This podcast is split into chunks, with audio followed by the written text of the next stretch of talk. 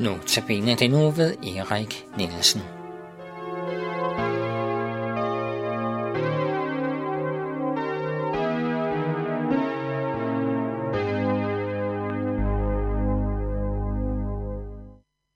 Ja, velkommen til Notabene, og jeg hedder Erik John Nielsen, og en hjælper, stor hjælper, det er Jan Nørgaard, som sidder og klarer det hele.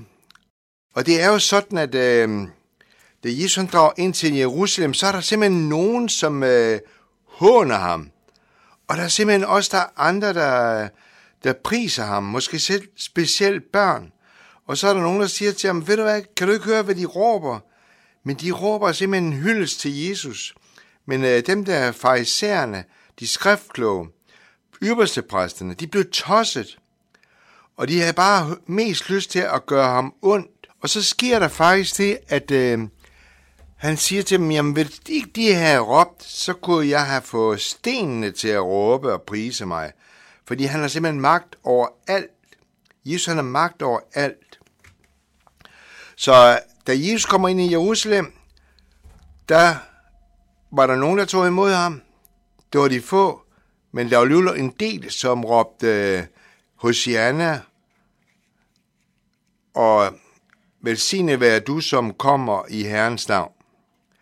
Og så ser der simpelthen det her, at, øh, at Jesus han, han, han øh, kommer faktisk også til os, og han ønsker at tage ja, vor, sit indtog i vores liv. Altså han kommer lige stillende foran os, og så siger han, ønsker du at have med, med mig at gøre?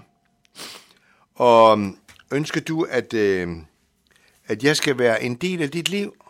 Og jeg skal være, ja, som vi hører og kommer til at høre om det senere hen, være din frelser, den som øh, kan hjælpe dig, og den som kan frelse dig, og som kan tilgive dig for nu og i al evighed.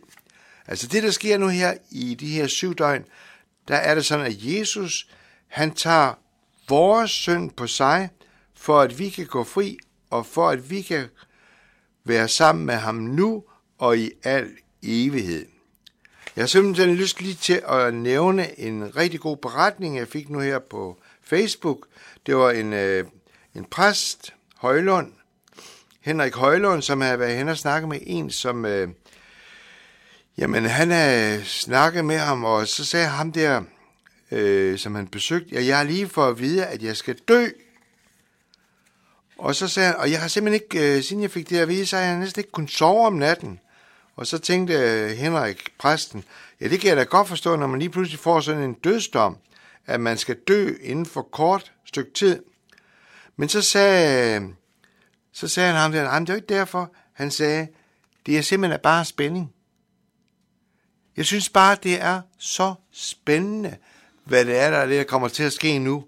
Altså alt det, som jeg har troet på hele mit liv, det skal jeg lige pludselig opleve, når jeg dør. Og sådan er det. Altså den, der, den, der tror på Jesus, han skal leve, om han end dør. Og så vil han gerne have, i stedet for jordbærskastelsen ude ved graven, der vil jeg gerne have, at han vil sige det, der står i Johannes 11, 25.